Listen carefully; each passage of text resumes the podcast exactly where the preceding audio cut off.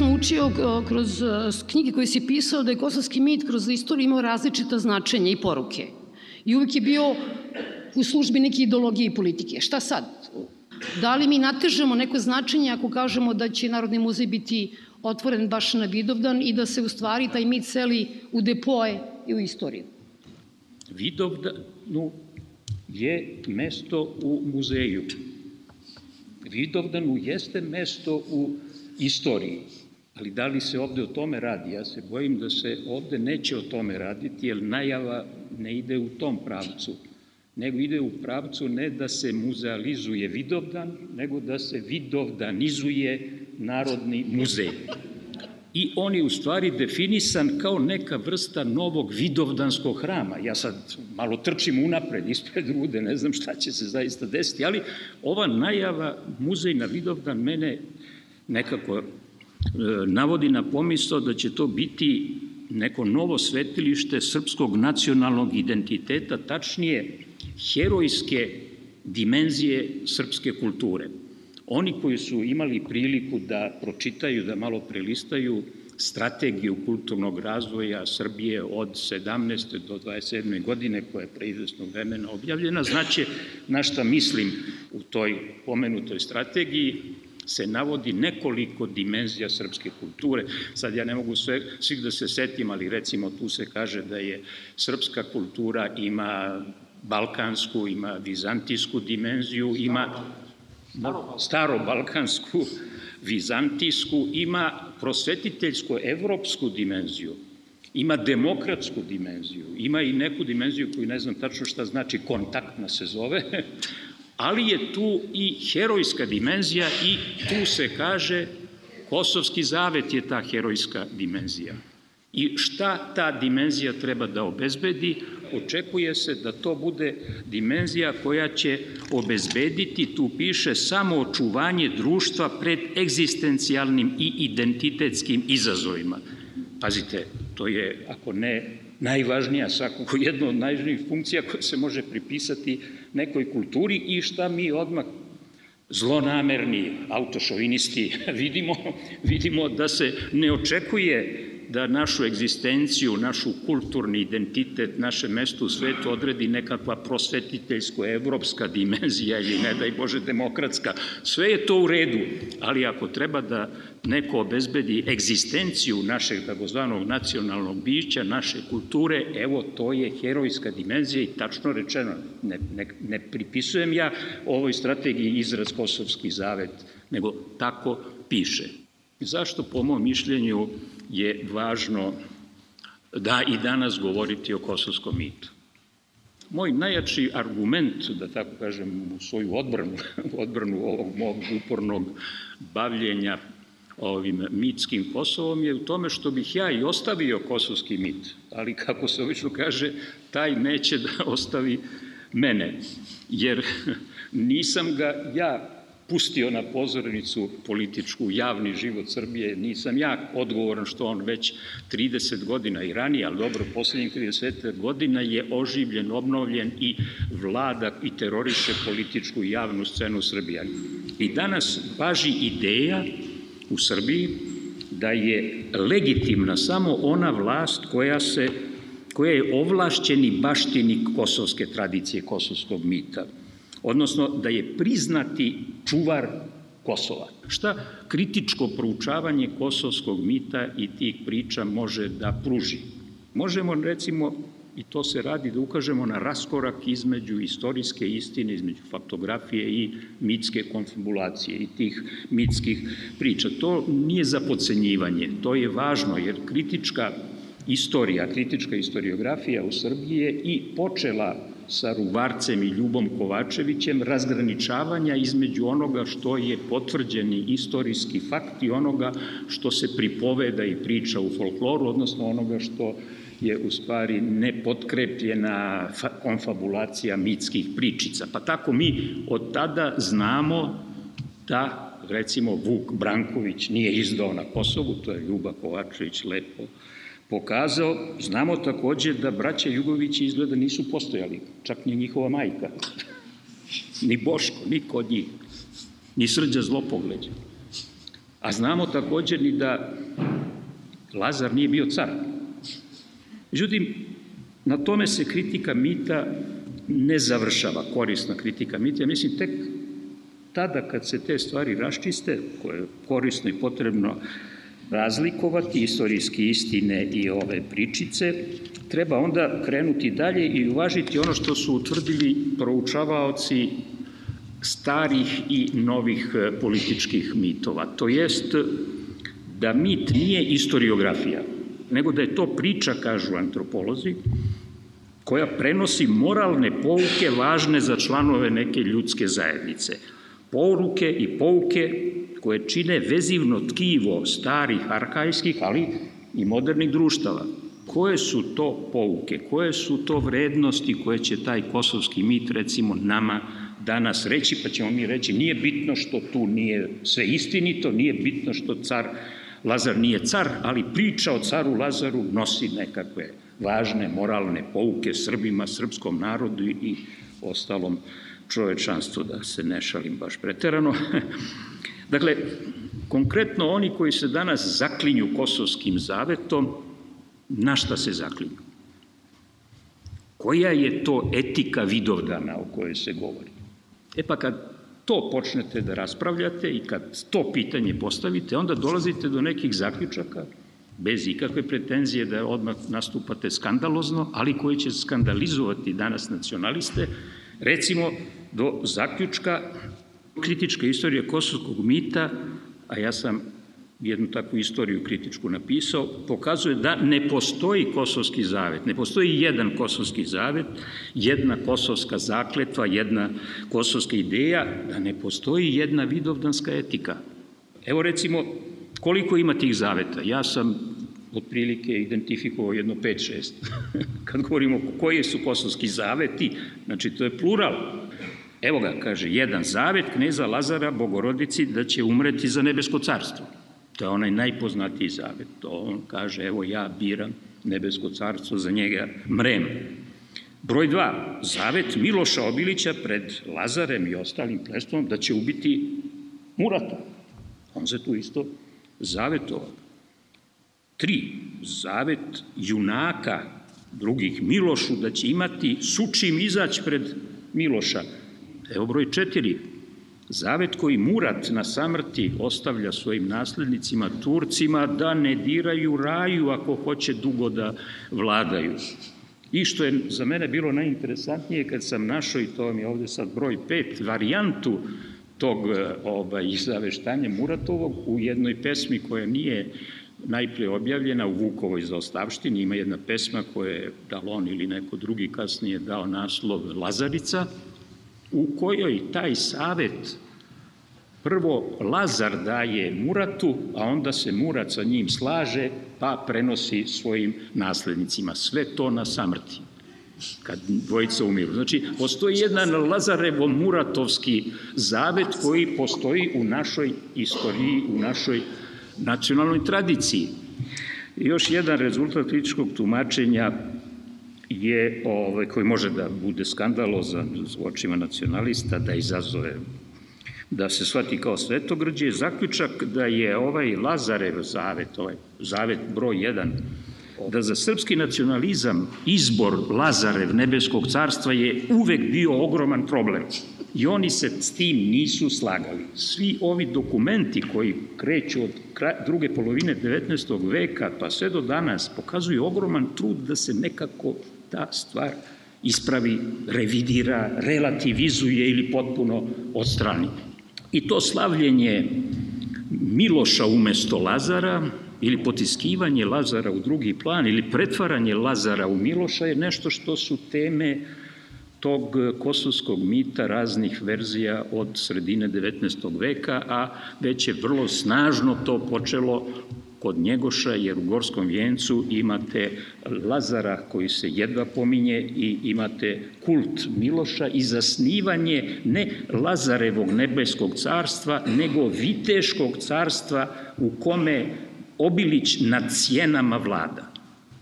Kad, eto, Milošević nagazi Mestanu se izlazi pred Miloša, zaboravlja Lazara i ne samo to, nego kad se on te godine, tih dana na Gazimestanu našao, pravoslavna crkva i njeni velikodostojnici su bili e, iznenađeni, a kasnije ljuti što on nije hteo da se istim, istom prilikom ode u crkvu Svetog Nikole u Prištini i pokloni se moštima kneza Lazara koje je crkva za tu priliku dopremila pošle jednogodišnjeg svečanog hodočasnog putovanja do, do Kosova. Ne, on je, on je to odbio, a posebno se naljutio episkop Atanasije Jevtić i to je bio jedan veliki tada skandal.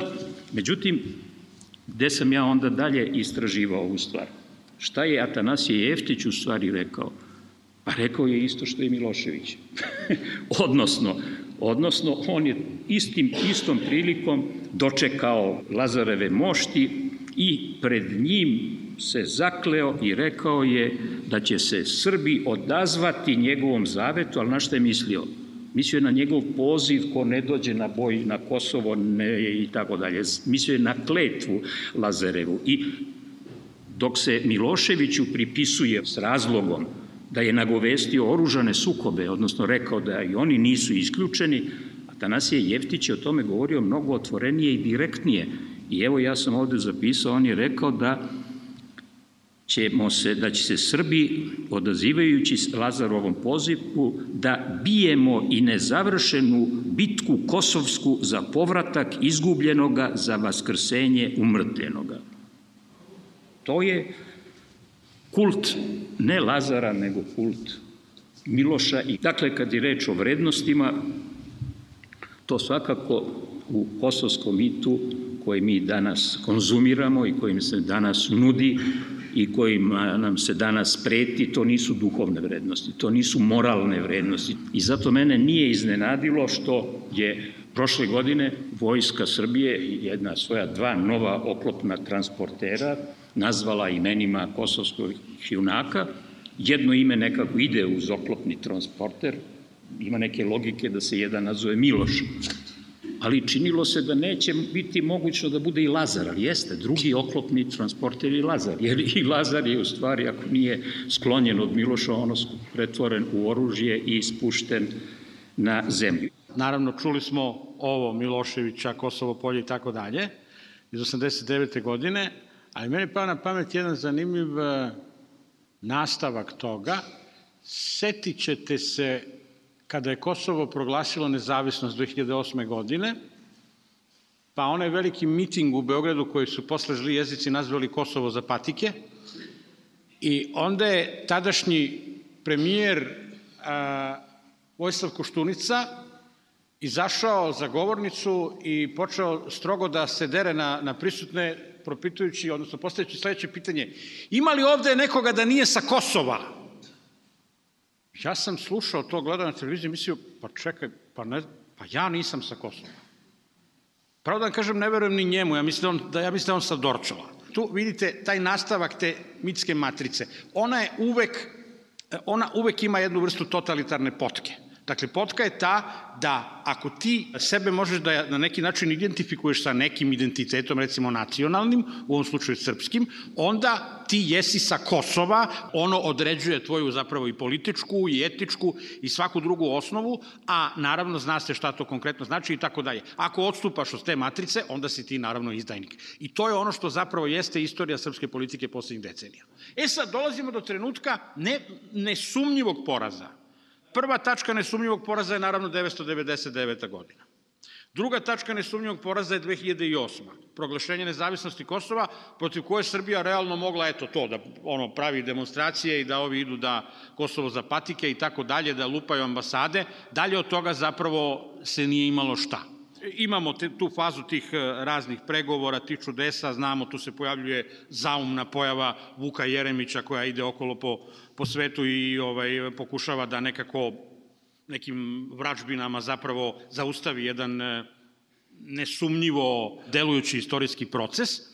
I ta politika e, doživljava poraz koji naprosto je bio neminovan, jer se to nije, na taj, na taj način se nije moglo dugoročno opstati. Na čemu dolaze Nikolić, Vučić i ekipa na vlast? Ono što svi, ono što naravno niko nikad nije zvanično pečatirano rekao da je tako bilo, ali nekako svi to pretpostavljaju. Od onih koji ne vole, od onih koji su opozicija ovom sadašnjem režimu, pa čak do jedne čudne specifične grupe ljudi poreklom iz takozvanih građanskih krugova, antinacionalističkih i tako dalje, koji su umeđu vremenu negde iskazali blagorečeno simpatije za Vučića i sadašnji režim. Dakle, svi tvrde zapravo jednu stvar. Oni su došli zapravo da to rašiste.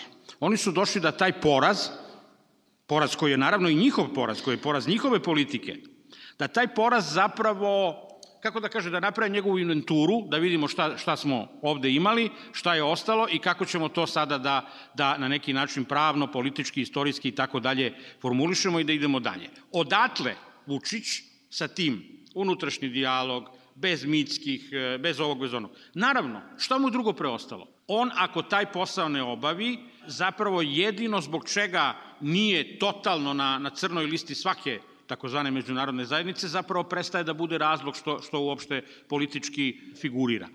Međutim, s druge strane, pojavljuje se to da zapravo da, da, da mi stalno imamo posla sa nekakvim recidivima. On će u jednom trenutku, što ti kažeš, izgovoriti taj ispravni tekst, ali ne samo da će ga i on lično već sutradan na neki način demantovati, nego će svi koji nešto znače u njegovom političkom, medijskom, intelektualnom i tako dalje okruženju skočiti zapravo odmah da kažu sve suprotno od toga. Jer kad pogledaš kako rade mediji koji su direktno direktno pod uticajem ove vlasti, ko su njihovi urednici, kakva je njihova uređivačka politika, kakva je priča i o Kosovu, i o Bosni, i o Evropi, i o Rusiji i tako dalje, ti ćeš zapravo videti priču koja je potpuno suprotna od te, ajmo sad, dosta je bilo kosovskog i ostalih mitova, ajde da govorimo onako kako realno jeste i tako dalje. Tako da je ta priča, ta priča e, koja se stalno nekako vrti jedan korak napred, dva koraka nazad, meni se čini da ona zapravo odražava tu neku unutrašnju muku ovog režima.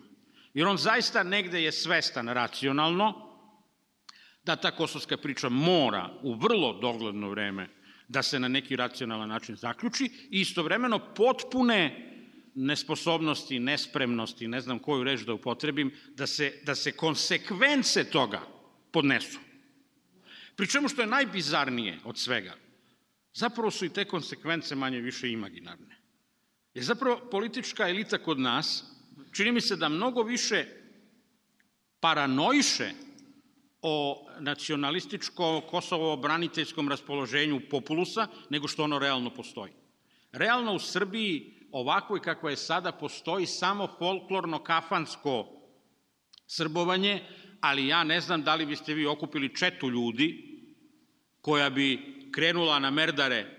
Mislim da oni zapravo, ono što je njihov vlažni san, a što se neće ostvariti na duži rok, jer je nemoguće, je da nekako i u šire međunarodnom kontekstu prodaju priču koju prodaju ovom narodu u unutrašnjem kontekstu. Dakle, vi ovde vidite kako čovek, čovek laže, ne znam, računali su da Trump sedam puta dnevno slaže. Ja mislim da Vučić slaže 14 puta dnevno, bar. E, I sad pokušavaju da na taj isti način kupuju vreme i kada je u pitanju Kosovo. Odatle ta priča. Pa ajmo sad malo unutrašnji dijalog, pa ajde sad malo ovo, pa ajde sad malo ono, ali zapravo se sve to na kraju svodi na, na neko nepreterano inteligentno dobijanje u vremenu koje će na kraju u jednom trenutku nužno da se završi time da će, da će, da će doći do onog trenutka kada će biti ljudi, evo vam ovaj papir, hoćete da ga potpišete ili nećete. I pre ili kasnije do toga će doći i ja se samo bojim da ne dođemo u onu situaciju potpune panike aktualne vlasti, da naprave neki veliki unutrašnji pičvajz, kojim bi se opet nekako privremeno e, ta stvar stavila na led i odložila za još neko vreme. Toga se, toga se zapravo najviše bojim. Postoje neke najave da će e, Evropska unija imenovati specijalnog e, pregovarača, tako da kažem, što može da znači da će rešiti tu stvar kao sa Makedonijom i sa Grčkom. Ajde, dosta je bilo više, jer ova nesrećna Mogherini nije u stanju da se nosi sa tima, ima i druga posla, tako da imam utisak da prvi put kad menjaju formu pregovaranja takozvanog ili razgovora, da to može da se ubrza. Digresija da, na ovo što si sada rekla, jedna je stvar jako zanimljiva, kad si spomenula taj sad grčko-makedonski sporazum. Nismo li mi prethodnih 5-6 godina ubeđivani čak i od nekih ljudi od kojih to možda nismo očekivali, da je najbolje kada ljudi koji su označeni kao nacionalisti, kao velike patriote i tako dalje, da je najbolje kad oni pregovaraju, jer oni nemaju taj problem, njih niko ne može da optuži da su izdajnici i tako dalje i oni će to da završe.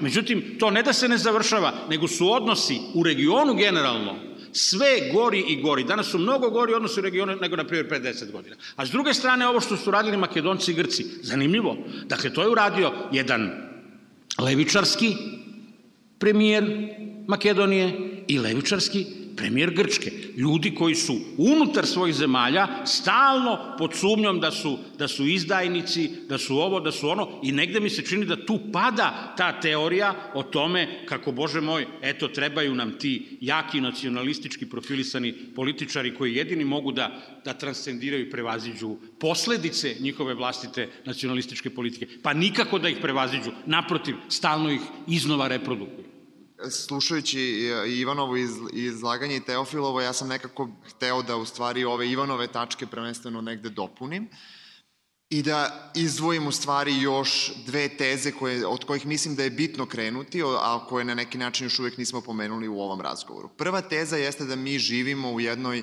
irendentističkoj državi trenutno. Dakle, mi živimo u državi koja kontroliše jedan obim svoje, jedan obim teritorije, a u, po svom zakonodavstvu i ustavu je predviđeno da kontroliše drugi obim teritorije. Prema tome, mi ne živimo u stanju mira. Mi živimo u privremenom stanju mira i mi živimo u stalnom iščekivanju sukoba.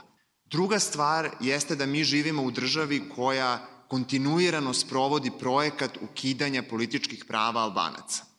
Znači, jedan od uh, osnovnih mehanizama jeste zapravo to pozivanje na istorijsko pravo, a to je taj narativ da je naša moderna država ima neke veze sa takozvanom srednjovekovnom Srbijom, zapravo privatnim vlasništvom dinastije Nemanjića, i da pozivajući se na teritorije koje je ona u srednjem veku obuhvatala, mi zapravo sada imamo neku vrstu, pra, neku, neko, neko pravo vlasništva na, na, na tim teritorijama i da možemo u potpunosti da abstrahujemo politička prava ljudi koji trenutno žive na tim teritorijama i da ih prisvojimo kao vlasništvo svoje države. Drugi mehanizam kojime zapravo se ukidaju politička prava Albanaca jeste govor o Albancima kao o, o, o ljudima koji, koji nisu na istom civilizacijskom nivou, kako bi se to reklo, i mislim da je tu zapravo ono što treba da imamo u vidu jeste da se radi o jednom čistom kolonijalističkom diskursu, da je diskurs kulturasizma prema Albancima, kako je postavljen još u 19. veku, postavljen kao veran ekvivalent kolonijalističkih diskursa e, zapadne Evrope i sa istim onim sentencama i sa istom onom retorikom sa kojom su e, evropske zemlje poput Britanije i Francuske osvajale Afriku i osvajale druge delove sveta e, i ukidale politička prava ljudi koji su tamo živeli. Sa istim tim sentencama i istom tom retorikom je Kraljevina Srbija pretendovala i konačno i osvojila delove teritorije gde žive Albanci i ukinula njihova politička prava. Danas kada, kada pomenemo da je pitanje uh, samopredeljenja Kosova uh, između ostalog pitanje i dekolonijalizacije,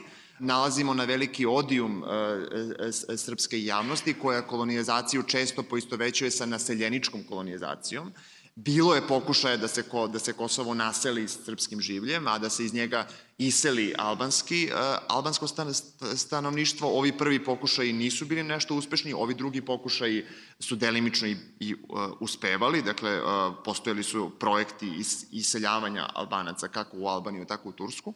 Međutim, ono što treba imati u vidu jeste da to što to nije bila naseljenička kolonizacija, to ne znači da Kosovo nije bila kolonija. Dakle, ona jeste bila kolonija e, po modelu e, ek, eksploatacije intelektualci u 19. veku koji su odlazili na Kosovo, koji su pisali putopise sa Kosova, koji su između ostalog sakupljali uh, folklorni materijal pa i muziku na Kosovu, bi jednostavno u potpunosti ignorisali albansko stanovništvo ili bi se kretali u nekim okvirima van svog vremena, dakle pisali o istoriji, a ne o kulturi koju ne ilaze, ili bi prosto bili, za, bili zainteresovani uglavnom da intervjuišu isključivo pripadnike slovenske populacije koje je naravno i tada postojala na Kosovu.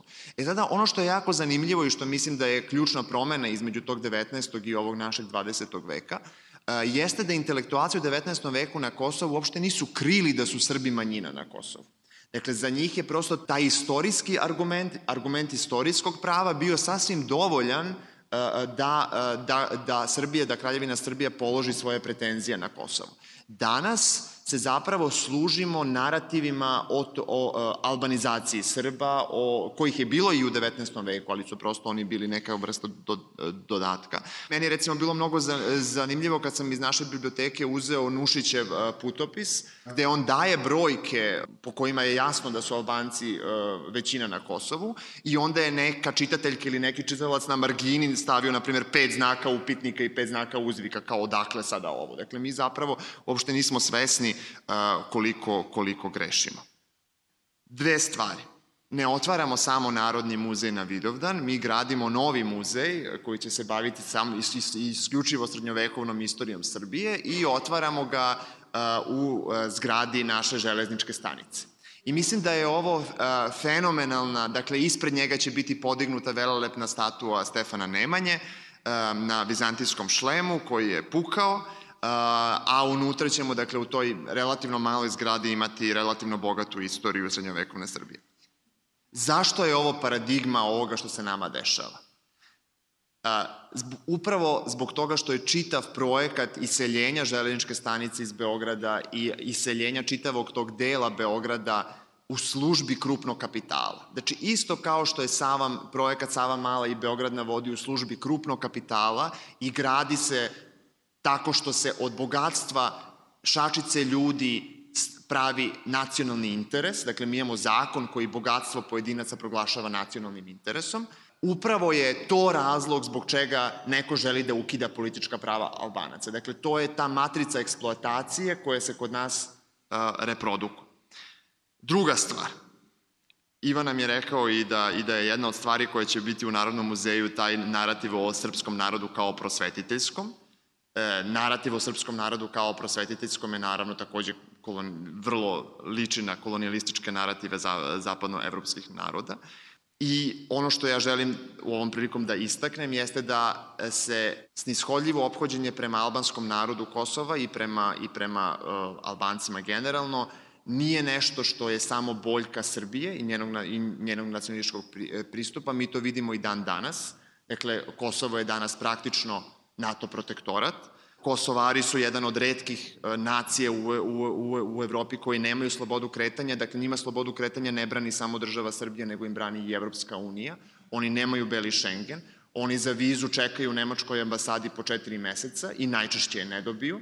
Dakle, čini mi se da a, a, ukoliko je ovog ta godina u kojoj Aleksandar Vučić treba da po kratkom postupku razreši a, pitanje odnosa Kosova i Srbije, ono što mene plaši jeste da to razrešenje e, na način na koje bude dogovoreno i potpisano u Briselu neće vratiti politička prava Albancima na način na koji bi trebalo da im vrati i neće dovesti do pravog do prave emancipacije tog naroda koji zapravo mora da dođe od ozdo i nevezano za dogovore Aleksandra Vučića i Brisela.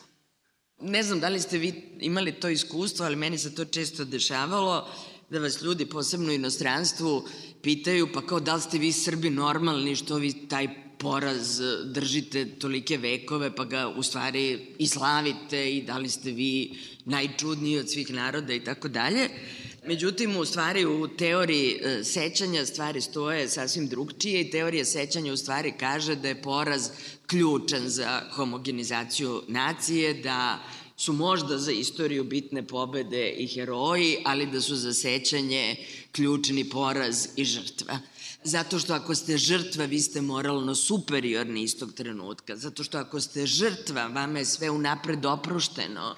Znači, žrtva ne može da bude počinila. To se odnosi na srpske žrtve u Hrvatskoj, zato se toliko govori o Jasenovcu. To se odnosi i na Kosovsku bitku. Dakle, to je njena politička funkcija. Žrtva ne može da bude izvršilac, žrtva je moralno superiorna i ta nekadašnja žrtva od pre šest vekova moralno pere sve buduće postupke tog naroda i to je funkcija tog poraza. Iskoristit ću jedan podatak, sećate se možda onog istraživanja koje sam radila s grupom koleginica za Beogradski centar za ljudska prava, koju smo nazvali novosti iz prošlosti, kad smo pitali e, takozvane Srbe šta misle o istoriji. I onda smo im dali e, slobodan odgovor na pitanje koji je najvažniji događaj u istoriji Srba. I e, 48% samih od sebe su rekli Kosovska bitka. Svega 10% su rekli srpski, prvi i drugi srpski ustanak. I to vam je najbolji dokaz ove teze koliko je poraz važniji od pobede. Pa zar nije važniji ustanak od poraza iz 1389? Evo ovi rezultati jasno pokazuju kako to funkcioniše. Neki od današnjih najvećih historičara, kao što je Pierre Nora, koji se upravo bavi sećanjem, danas govori o, te, e, o, e, o tiraniji žrtava, a Amos Oz, veliki izraelski e, e, intelektualac, govori o svetskom šampionatu za najveću žrtvu. Prema tome, to je jedno vreme u kome su sada ti heroji zamenjeni, e, zamenjeni žrtvama. E sad postavlja se pitanje zašto baš kosovski poraz? Dakle, mi imamo mnoge druge poraze, ali se postavlja pitanje zašto je kosovski poraz omiljeni poraz. Jer recimo mi imamo izuzetno ozbiljan poraz e, kod Slivenice protiv Bugara 1885. godine kad su posle toga Bugari uzeli Niš i pola Južne Srbije i čudo se tada e, uopšte desilo. Jedan od razloga zbog kojih se za taj poraz ne zna zbog, je to što je bilo revanša.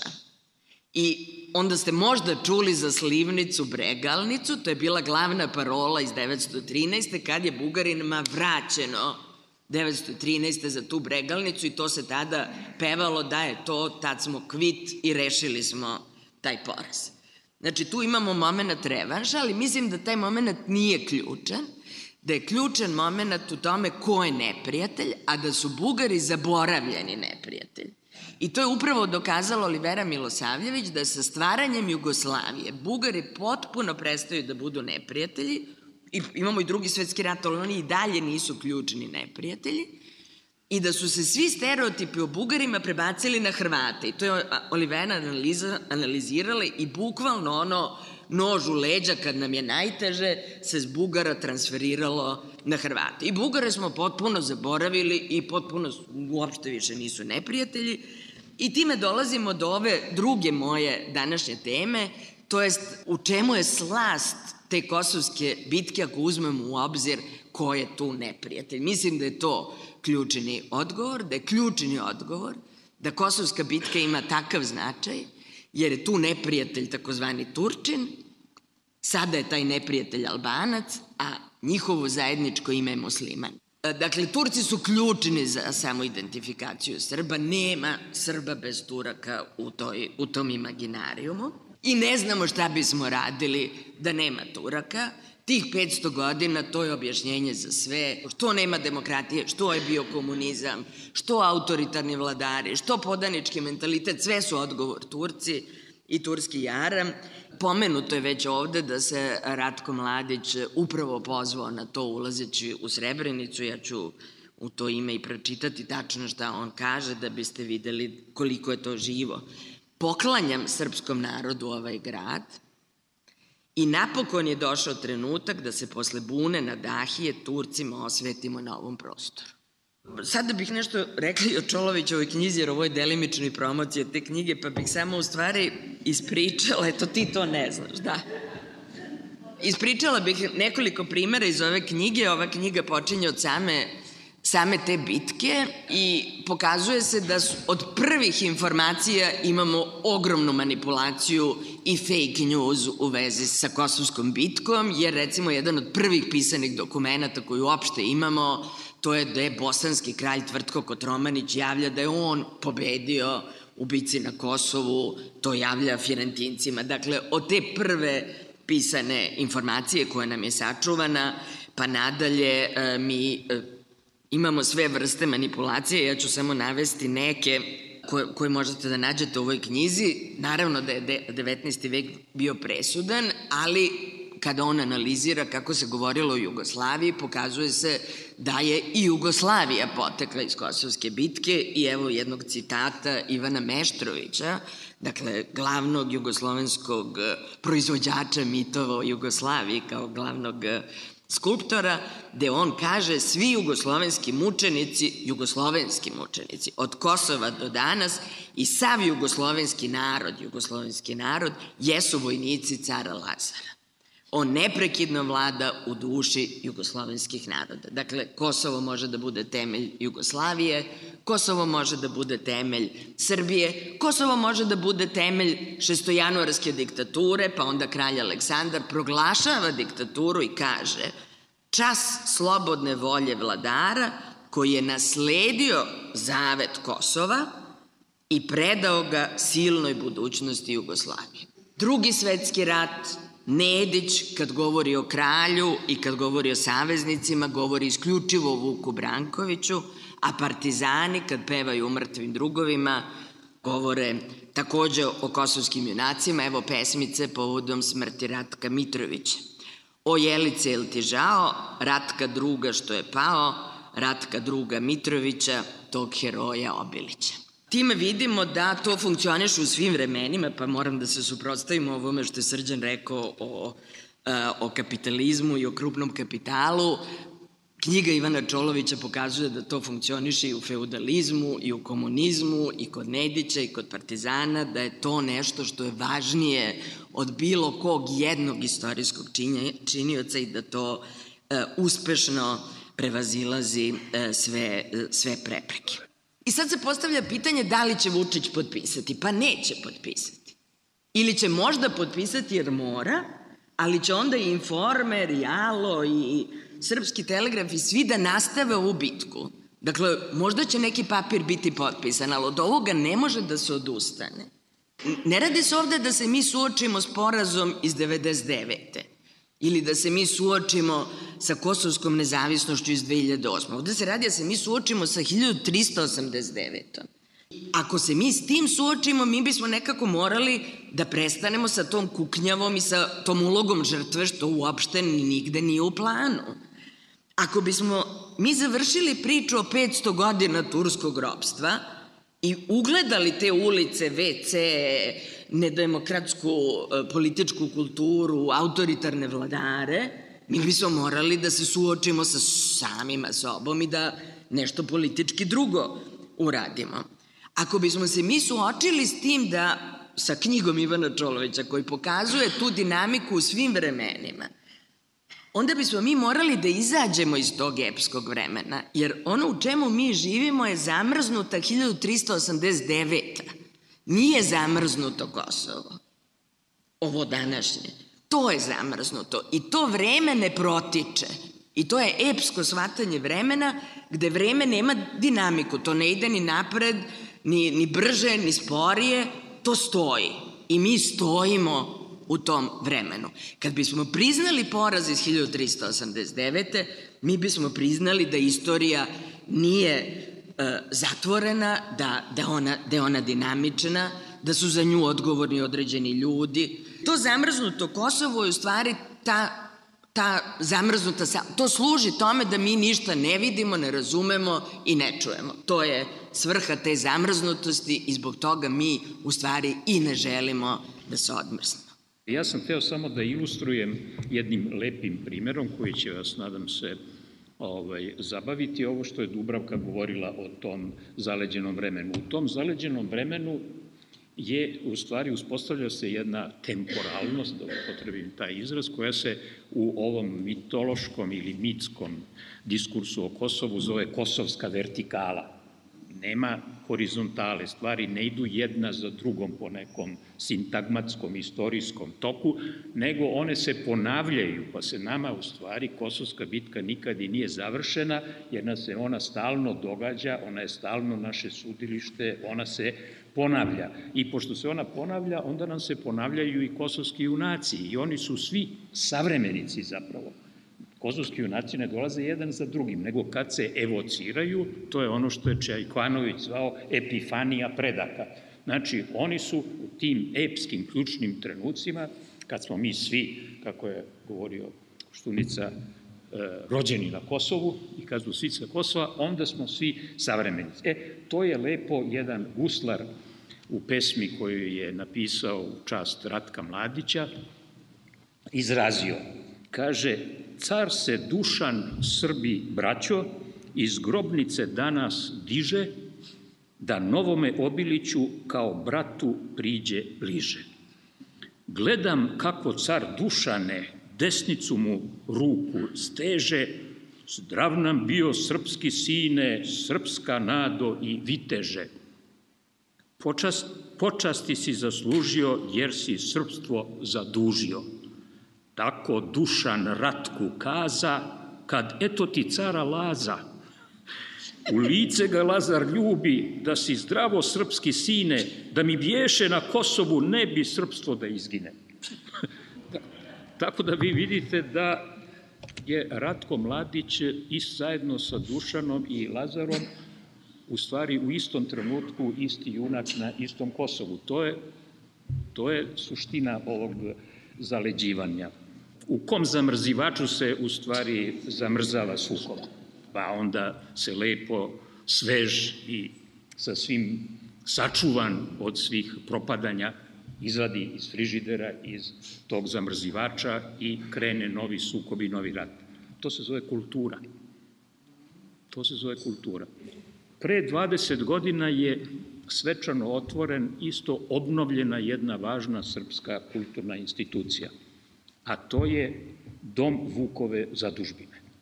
I na tom svečanom otvaranju reč je imao predsednik te zadužbine Dejan Medaković, kasnije i predsednik Srpske akademije nauka.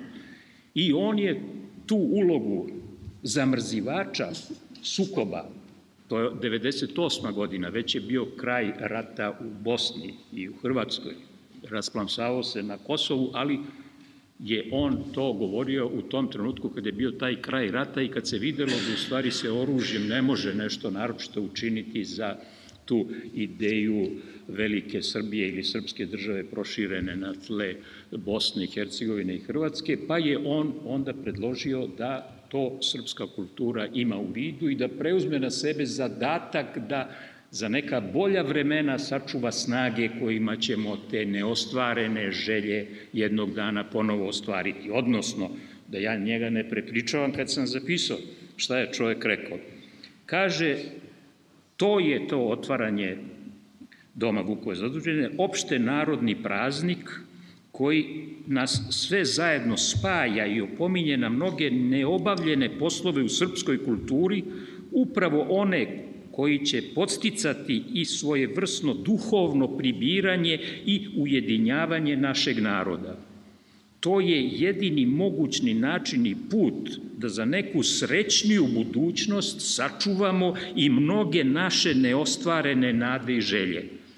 Intelektualci 19. veka koje mi danas posmatramo kao neke svoje pravce i, i, i uzore, oni su jednostavno gradili ono što su osnove nacionalne kulture. U osnovi svakog nacionalizma jeste da vas uči da postoji nešto ključno različito između vas i nekog drugog i prosto u 19. veku su se morale po, povući te granice šta je to ključno različito između nas i nekog drugog, jer ako tih razlika nema, onda prosto nema ni pretenzija na suverenitet, onda prosto nema ni razloga da mi budemo jedna suverena država, a neko drugi, neka druga suverena država, jer zašto bismo to bili ukoliko ništa toliko ključno nije različito među nama da, da, da nad nama ne treba da važe različiti zakoni. Tačno je da, da naravno borbe postoje u svim društvenim sistemima i u svim odnosima u kojima postoje određeni odnosi dominacije.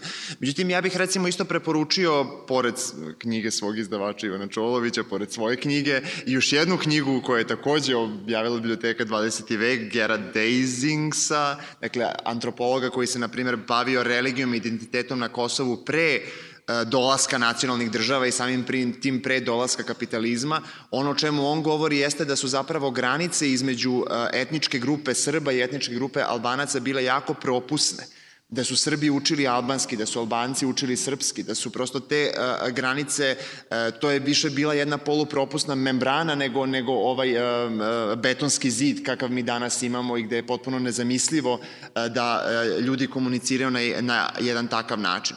Prema tome, E, neprijateljstvo između e, srpskog i albanskog naroda na, na način na koji ga mi danas poznajemo i na koji ga precipiramo kao da je nešto što je, traje od uvek i što će zauvek trajati, je zapravo došlo na ove prostore sa, sa ideologijom nacionalizma e, i sa kapitalizmom kao sa ekonomskim poredkom. Čitava ta priča o tome kako, kako smo svi mi sa Kosova i kako je to ključ našeg identiteta, zapravo ja mislim da je to nešto u šta 98% takozvanog običnog sveta u Srbiji, ali nikada nije verovalo. Nikada. Nikada je nacionalizam bio na vrhuncu. Oni su više imali posla sa, to je više bio nekakav antihrvatski, anti, ne znam, bošnjački i tako dalje sentiment. Ovo sa Kosovom je uvek bilo mamuzano, preko zapravo te nacionalističke inteligencije koja je živela na tim mitskim, mitskim matricama. Tako da je to, to e, od početka zapravo bila jedna, jedna, jedna fake priča i verujem zato da bi se zapravo brzo raspala. I da to uopšte neće biti tako veliko iskušenje kako se, kako se sada čini našim kukavičkim političkim elitama i tako dalje. I, I samo ću da iskoristim priliku još ovo, na, na, e, ovo što, je, što, što ste govorili malo pre, ovaj, još što je Dubravka govorila o Turskom jarmu.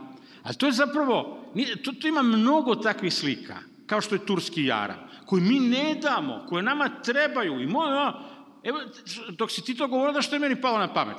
Recimo, nešto što je sad skroz aktualno. Osiromašeni uranijum. Pazi, ja nemam pojma, to je daleko od mojih interesovanja i znanja u životu, ja realno nemam pojma kako osiromašeni uranijum deluje na ljudski organizam. Ne verujem da mu je baš koristan. Ali do koje mere mu je štetan, to ja ne znam. I to ogromna većina ljudi i u ovoj sali i izvan nje, realno gledano, ne zna. Međutim, mi biramo da verujemo da je on strašno ubitačan ako to odgovara neko, neko, nekom narativu koji, da su došli s ti imperialistički zlikovci, natovi, e, crkli da Bog da, koji nam otimaju naše Kosovo i sve naše, i oni su posejali taj osiromašeni uranijom, jer su naprosto takvi kvarni, ne bili nas, ne bili nas sve pobili. I sad neki ljudi koji, za koje, ajde su neki doktori tih nekih nauka koje se time bave, kažu, pa dobro ljudi, nije to baš tako, znate, pa te statistike o bolesti, ovo ono, nema to baš, ne, ne uspostavljamo nikakvu relaciju izme, ali ne, ti odbijaš to, jer se to naprosto ne uklapa u onaj narativ koji si ti koji, kojim samog sebe legitimišeš kao patriotu. I to ti je isto drugi primer sa bombardovanjem. 95% ljudi duboko veruje da je ta akcija NATO-a zvana bombardovanje, da je njen zvanični naziv milosrdni anđel. I sad hiljadu puta je rečeno, sa svih mogućih, ne postoji, nikad, nikad se nije zvala milosrdni anđel, to ne postoji, postoji Allied Force, postoji ovo ono, ali ne. Jednostavno, koliko god puta da to bilo demantovano, e, svaki put je preživela ta vera. Zašto? Zato što naši patriotski intelektualci već imaju čitave opuse, oni imaju ironične tekstove, bog te, Znaš, o tome kao, e, ovi, ovi će nama da pričaju priče o humanizmu. Videli smo mi njih sa milosrdnim anđelom. I sad kad si ti izgradio čitave opuse na tom milosrdnom anđelu i sad dođe neko i kaže ti, e, prijatelju, ali nikad nije postojao nikakav milosrdni anđel, ti ćeš naravno to da odbije. Ne diraj mi u milosrdnog anđela. Isto kao ovo, ne diraj mi u turski jarac. Ima jedna knjiga francuskog istoričara Jean-Pierre Vernant se zove koja ima pitanje u naslovu da li su Grci verovali u svoje mitove. I ta njegova analiza otprilike pokazuje da se baš i ne zna da li su oni verovali ili nisu, nisu tada postojale neke ankete kao što bi danas postojali, da su morali da veruju da je postojao pritisak tadašnjih autoriteta da se ti mitovi poštuju. Pa je recimo jedan od tih autoriteta, Platon, zapretio pesnicima koji su više slobodno o mitovima, o Olimpu, Zevsu govore. Pa je tu, ako nećeš da slušaš, imaš kukutu da popiješ, na primer.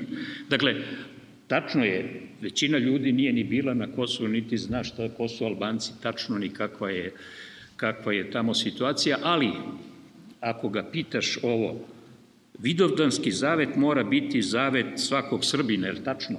I staviš ga pred kameru, on će reći naravno da je tačno. Zašto? Zato što mu je to rekao Marko Đurić, šef kancelarije za Kosovo, zato što mu je to rekla država, rekla mu je crkva, rekla mu je vojska, rekla mu je policija, sve instance koje su pozvane, koje su zadužene da tu priču pričaju i škola, naravno.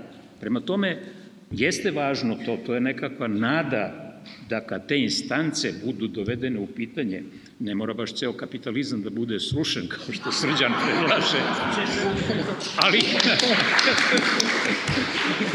ali možemo dovesti u pitanje ovaj monopol, ovaj teror zvaničnog govora o Kosovu, ova pitanja na ko, pred koja nas postavljaju ti umni, veliki patrioti političari, jer si rođen na Kosovu, jer znaš da moraš verovati da je tvoj zavet, ako si Srbin, vidovdanski zavet, ako moraš da slušaš nekoga kao što je Koštunica u jednom isto tako obraćanju kad je trebalo promeniti i dovesti, napraviti onu preambulu za za srpski ustav održao jednu govoranciju i rekao svaki pripadnik našeg naroda zna šta nam Hilandar znači, svaki pripadnik našeg naroda zna šta nam Kosovo znači. Nije on mislio da zna zato što je nešto o tome pročitao, nego je on njemu poručio da on to zna i da ima da primi k znanju i da je to znanje koje se ne stiče sa znanjem ono znanje koje ga čine Srbinom i koji naravno velikog hodočasnika u Hilandaru, jer to se sve pričuje ovaj, u Hilandaru izrekao, da je on taj koji onda legitimno nad njim bdi, vlada i podsjeća ga ko je da je rođen na Kosovu.